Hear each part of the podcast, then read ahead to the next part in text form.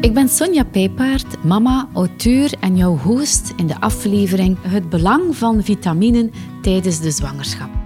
In deze reeks heb ik enkele waardevolle gesprekken met experten in functie van mijn twee boeken Onder Mama's, de ultieme zwangerschapsgids en Mama's weten waarom van geboorte tot eerste woordje. Dag Elisa, welkom bij de podcast van Onder Mama's. Jij bent voedingsdeskundige en apothekeres. Kan je ons iets meer vertellen over jezelf? Ja, uh, ten eerste vind ik het super fijn dat ik hier vandaag aanwezig mag zijn, dus bij deze. En inderdaad, zoals dat je zelf zegt, um, voedingsdeskundige en apothekeres. Dus uh, ik ben nogal een bezige bij. Ik heb ook een partner en ik woon ook alleen. Um, ik ja, ben heel graag bezig met voeding, dus ik, ik kook ook heel veel. Ik reis ook heel graag. Ik ben een, een bezige bij, inderdaad. Soms een beetje vermoeiend, kan ik uh, aannemen. Maar hoe blijf je overeind, Elisa? Hoe doe je dit? Omdat ik inderdaad zo fel bezig ben met die gezonde voeding, is dat ook iets wel echt dat mij uh, ja, heel veel helpt en mij ook heel veel kracht geeft. Omdat ik er zelf ook heel veel van overtuigd ben dat voeding echt wel een, een medicijn is, ondanks dat ik ook ja, apotheker ben zal ik altijd de laatste zijn om iets in te nemen als ik mij vermoeid voel of, of slecht voel. Maar ik probeer eigenlijk ja, heel veel uit mijn voeding te halen. Dus als ik ook merk van ik ben vermoeid of, of ik ben een beetje ziek aan het worden door vermoeidheid, dan zal ik bijvoorbeeld meer eiwitten eten of zorgen dat ik meer ja, van iets bepaald zal eten. Dus dat is wel zo'n beetje mijn leidraad doorheen mijn dagen. Maar ook proberen ja, voldoende te ontspannen dat is iets dat ik nu ook wel het laatste jaar geleerd heb door constant bezig te zijn. Dat eigenlijk tijd nemen voor jezelf echt wel oké is en ook heel belangrijk is. Dus dat zijn zo mijn twee dingen die mij recht houden. Die helpen om uh, mentaal en fysiek in balans te komen. Ja. Hè? Met gezonde voeding ben je dus beter in balans. Maar hoe zit het nu met voedingssupplementen? Voedingssupplementen um, ja, zijn niet te onderschatten. Um, ik ben wel van de mening dat voedingssupplementen geen voeding of gezonde voeding kunnen vervangen. Maar het is wel zo dat sommige mensen een specifieke noodzaak hebben, ook in bepaalde fasen van hun leven, dat ze eigenlijk ja, meer nood hebben aan een bepaald nutriënt.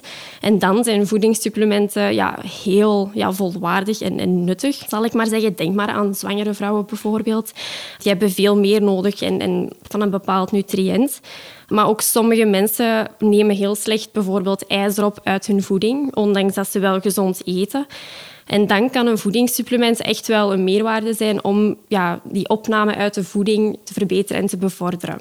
Dus ik mhm. geloof wel in voedingssupplementen, maar ik denk wel dat het ja, heel specifiek op maat van de persoon moet uh, aangeraden worden. Ja, want hoe belangrijk is voeding dan tijdens de zwangerschap? Heel belangrijk. Um, een zwangerschap vraagt heel veel van een vrouwelijk lichaam. Dus een vrouw moet echt wel fit zijn, om het zo te zeggen. Niet per se door te sporten fit, maar gewoon ja, energiek op, op maximaal niveau zijn door alle verschillende voedingsstoffen te hebben in haar lichaam. En ook niet alleen voor de vrouw zelf is het belangrijk, maar ook voor ja, het kindje dat in de buik gaat komen, omdat die ook wel de nodige voedingsstoffen vraagt. Zijn er voedingsstoffen die essentieel zijn tijdens de zwangerschap en waar een aanstaande mama meer aandacht moet aan besteden in haar voeding? Ja, de aller, allerbelangrijkste, en dat weten denk ik de meeste vrouwen wel, is foliumzuur. Foliumzuur is ja, ten eerste heel belangrijk al voor de zwangerschap, dus voordat een, een vrouw echt zwanger is. Eens dat die, die kinderwens daar is, zou eigenlijk een vrouw al mogen starten met foliumzuur. Zeker een twee, drie maanden voordat eigenlijk echt de, de zwangerschap begint, is foliumzuur al van enorm belang. Enerzijds ook voor de vrouw zelf, want als een vrouw of een gewoon persoon in het algemeen een tekort heeft aan foliumzuur, gaan we ons sowieso heel vermoeid voelen en gaan we heel weinig energie hebben. Dus in dat opzicht is het gewoon belangrijk voor het energieniveau. Maar anderzijds ook eens dat het kindje er is, in de eerste um, ja, twee, drie maanden, is het gigantisch belangrijk voor de ontwikkeling van hersenen, de ontwikkeling van het zenuwstelsel. En ook in de eerste ja, drie tot acht weken zoiets, uh, is het ook heel belangrijk voor um, de ontwikkeling van de neurale buis. Dat klinkt nu misschien een klein beetje wetenschappelijk, maar als er een tekort is aan foliumzuur in die periode, dan kan het zijn dat het kindje geboren wordt met een open rugje. Dat is eigenlijk hoe ja. we dat meestal kennen. Dus dat is gigantisch belangrijk. En het is ook heel belangrijk welke vorm van foliumzuur eigenlijk dat er genomen wordt. Ja. Zit foliumzuur in bepaalde voeding? Uh, foliumzuur kunnen we terugvinden vooral in, in verschillende groene groenten, dus zoals spinazie of broccoli, uh, zo van die zaken. Daar zit foliumzuur eigenlijk in de grootste concentratie uh, in. Ja. Neem je foliumzuur apart in als vitamine of bestaan er al in mama-vitamines die naast foliumzuur nog extra voedingsstoffen bevatten? Uh, er bestaan uiteraard producten die enkel foliumzuur bevatten, maar ik zie eigenlijk niet in waarom dat we dat zouden nemen, omdat een mama eigenlijk heel veel verschillende zaken nodig heeft. Ook zelfs ter voorbereiding van een zwangerschap. Um, dus ik ben als apotheker vooral zelf uh, voorstander van echt de multiproducten, um, multivitamine. Maar het is eigenlijk eerder belangrijk om te kijken welke vorm van foliumzuur dat we hebben.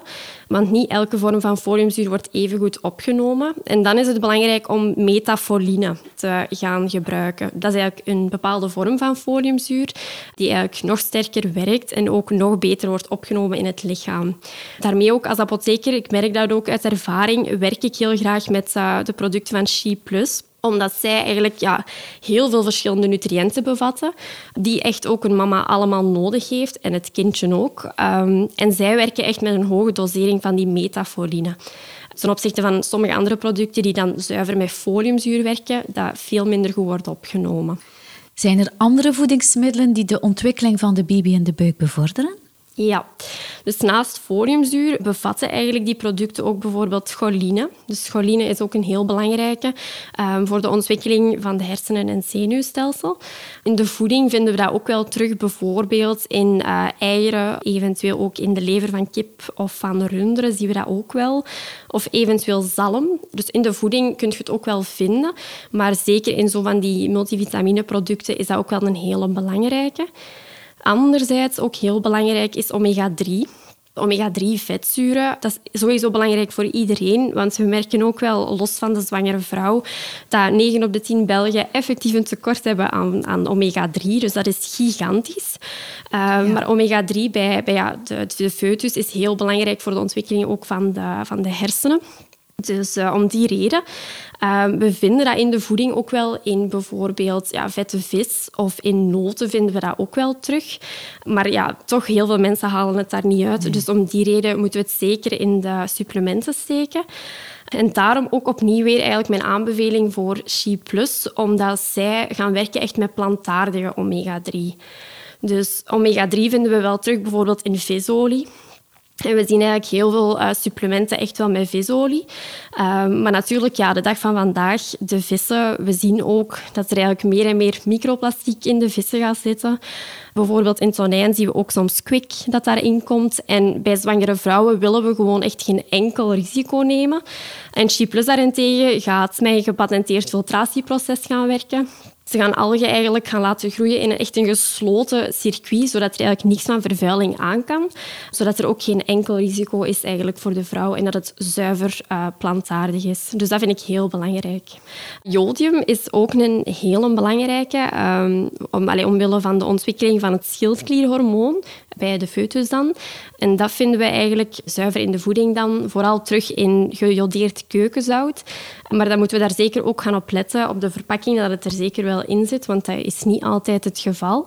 En om die reden ook is het altijd echt wel belangrijk om dat in zo'n uh, voedingssupplement te steken. Jodium, wat, uh, wat doet dan nog meer bij de foetus? Uh, omdat het toch wel vrij belangrijk is en gekend is ook. Hè? De hersenenontwikkelingen is ja. dat eigenlijk heel belangrijk. En, en ja, het schildklierhormonen. Ja. Er wordt wel eens gezegd, melk is goed voor elk. Klopt dit ook voor de zwangere vrouw? En hoe kan je ervoor zorgen dat je voldoende calciumreserves aanlegt? Uh, dat is gigantisch belangrijk, um, omdat we calcium nodig hebben voor de ontwikkeling van, de, van ja, het skelet en de beenderen. Dat is zowel voor volwassenen zo en voor de mama zo, maar ook voor het kindje. Het is ook zo, als de mama niet voldoende calcium gaat opnemen, dat het kindje de calcium gaat halen uit de reserves van de moeder, waardoor dat de moeder dan ook weer in de problemen zou kunnen komen. Dus het is echt wel belangrijk dat de moeder daar aandacht aan besteedt. En ook niet alleen eigenlijk om die reden. Als er een tekort is aan calcium, loopt de moeder ook een hoger risico op een verhoogde bloeddruk tijdens de zwangerschap. En dat noemen we pre-eclampsie. Dat is daar de wetenschappelijke naam voor. Dat is eigenlijk een verhoogde bloeddruk. En dat kan ook wel de mogelijke ja, gevolgen hebben voor de zwangerschap. Ook een kleine tip, calcium, en, dat, dat staat niet op zichzelf. Vitamine D is ook heel belangrijk. En daarmee dat we eigenlijk ja, een multivitamine echt wel aanraden. Omdat ja, vitamine D zorgt ervoor dat calcium veel beter wordt opgenomen. Dus daarom dat eigenlijk ook de vitamine D-concentratie zeker op peil moet zijn. Ja. We horen vaak over ijzer. Is het een mythe of noodzakelijk voor zwangere vrouwen? Nee, ijzer is zeker en vast belangrijk. Ten eerste, ijzer zorgt ook dat je je energiek voelt. Als iemand in het algemeen ijzertekort heeft, dan gaat hij zich ook heel vermoeid voelen en dat kan een moeder niet gebruiken tijdens de zwangerschap. Anderzijds is ijzer ook heel belangrijk voor het ontwikkelen van de rode bloedcellen en van hemoglobine. En dat op zich speelt ook een heel grote rol in het zuurstoftransport. Dus we willen natuurlijk ook voldoende zuurstof hebben door de placenta, ook voor het kindje. Dus ijzer is gigantisch belangrijk, uh, sowieso. We zien ook ja, vegetarische vrouwen bijvoorbeeld, die hebben daar iets meer problemen mee om dat echt uit de voeding te halen. Omdat dat voornamelijk uit dierlijke producten komt en in vlees bijvoorbeeld. Dus zij zijn zeker gebaat met echt een, een voedingssupplement waar ook verschillende zaken in zitten, zoals ook ijzer. En een kleine tip, dat kan daar ook wel bij zijn, zeker bij mensen die al veel moeilijker ijzer gaan opnemen, dat uh, vitamine C die opname van ijzer bijvoorbeeld ook verbetert. Dus als je zegt van, ik neem een supplement in samen met een glas appelsiensap bijvoorbeeld, dan gaat die ijzer eigenlijk gemakkelijker kunnen opgenomen worden. Dus dat is toch nog een kleine tip.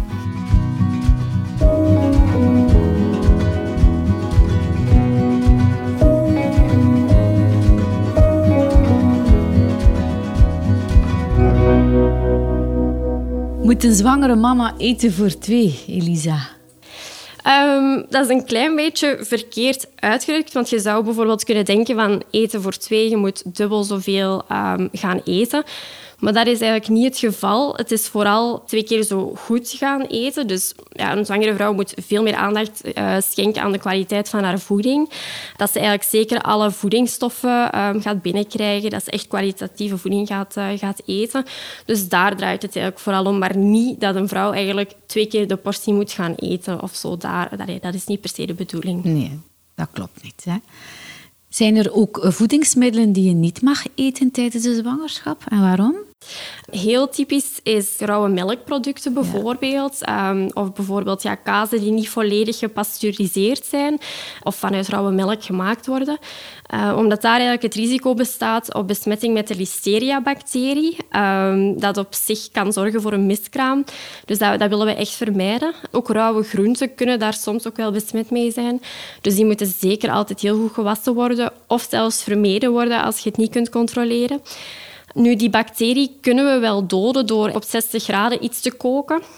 Drie minuten lang, maar daar moet echt ja, met heel veel aandacht naar gekeken worden. Anderzijds hebben we toxoplasmose, dat is misschien iets beter gekend. Dat zit vooral bij rauw vlees of vlees dat niet goed gebakken is of, of gekookt is, maar ook rauwe groenten. Daar zit dan eigenlijk die parasiet op, die toxoplasmose-parasiet. En heel typisch is ook dat katten dat heel gemakkelijk kunnen overdragen.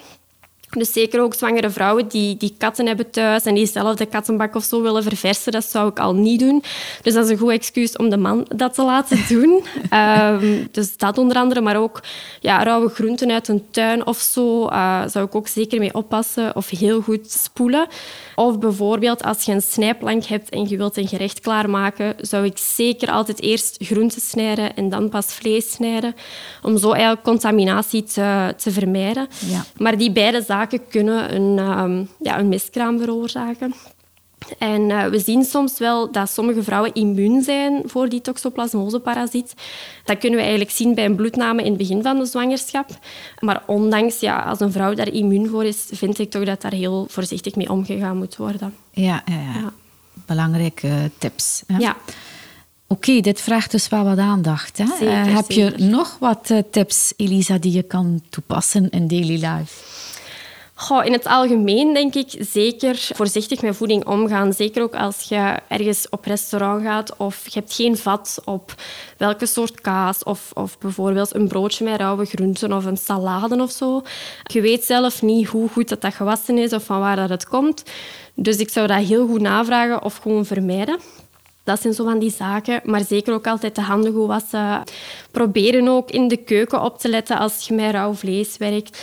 Ehm, en ook de bewaring van je voeding is heel belangrijk. Dus als je bijvoorbeeld je, je groente onderaan legt, waar dat de, groentenbak is bijvoorbeeld, um, daar is de temperatuur het meest ideale voor die groenten te bewaren.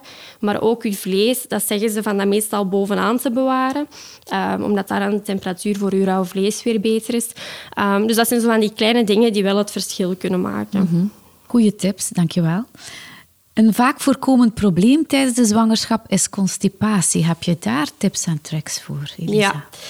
Constipatie, dat wordt eigenlijk heel veel gezien, ook bij niet-zwangere vrouwen. En vaak is dat een beetje een combinatie van te weinig vezels eten, maar ook wel met te weinig water drinken. En ook te weinig beweging. Vaak is dat een combinatie.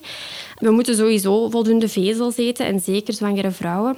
En die vinden we vooral terug in groenten, maar ook in bepaalde fruitsoorten. Bijvoorbeeld volkorenproducten zoals havermout zit daar ook heel veel in. Of uh, volkorenpasta, volkorenrijst. Maar het ding is wel met vezels, als we willen dat die goed werken, dan moeten die eigenlijk kunnen zwellen. En als die zwellen in de darm, dan gaan die eigenlijk ja, een, gunstig effect hebben op onze, op onze stoelgang. Maar daarvoor moeten we natuurlijk wel voldoende water drinken. En als je natuurlijk veel vezels gaat eten en niet genoeg water gaat drinken, dan vormen die vezels echt een brok in je darm. En dan gaat het volledig geconstipeerd zijn. Dus de combinatie van vezels en water vind ik heel belangrijk. En daarnaast ook gewoon voldoende bewegen. Dus wandelen bijvoorbeeld is ook al meer dan voldoende.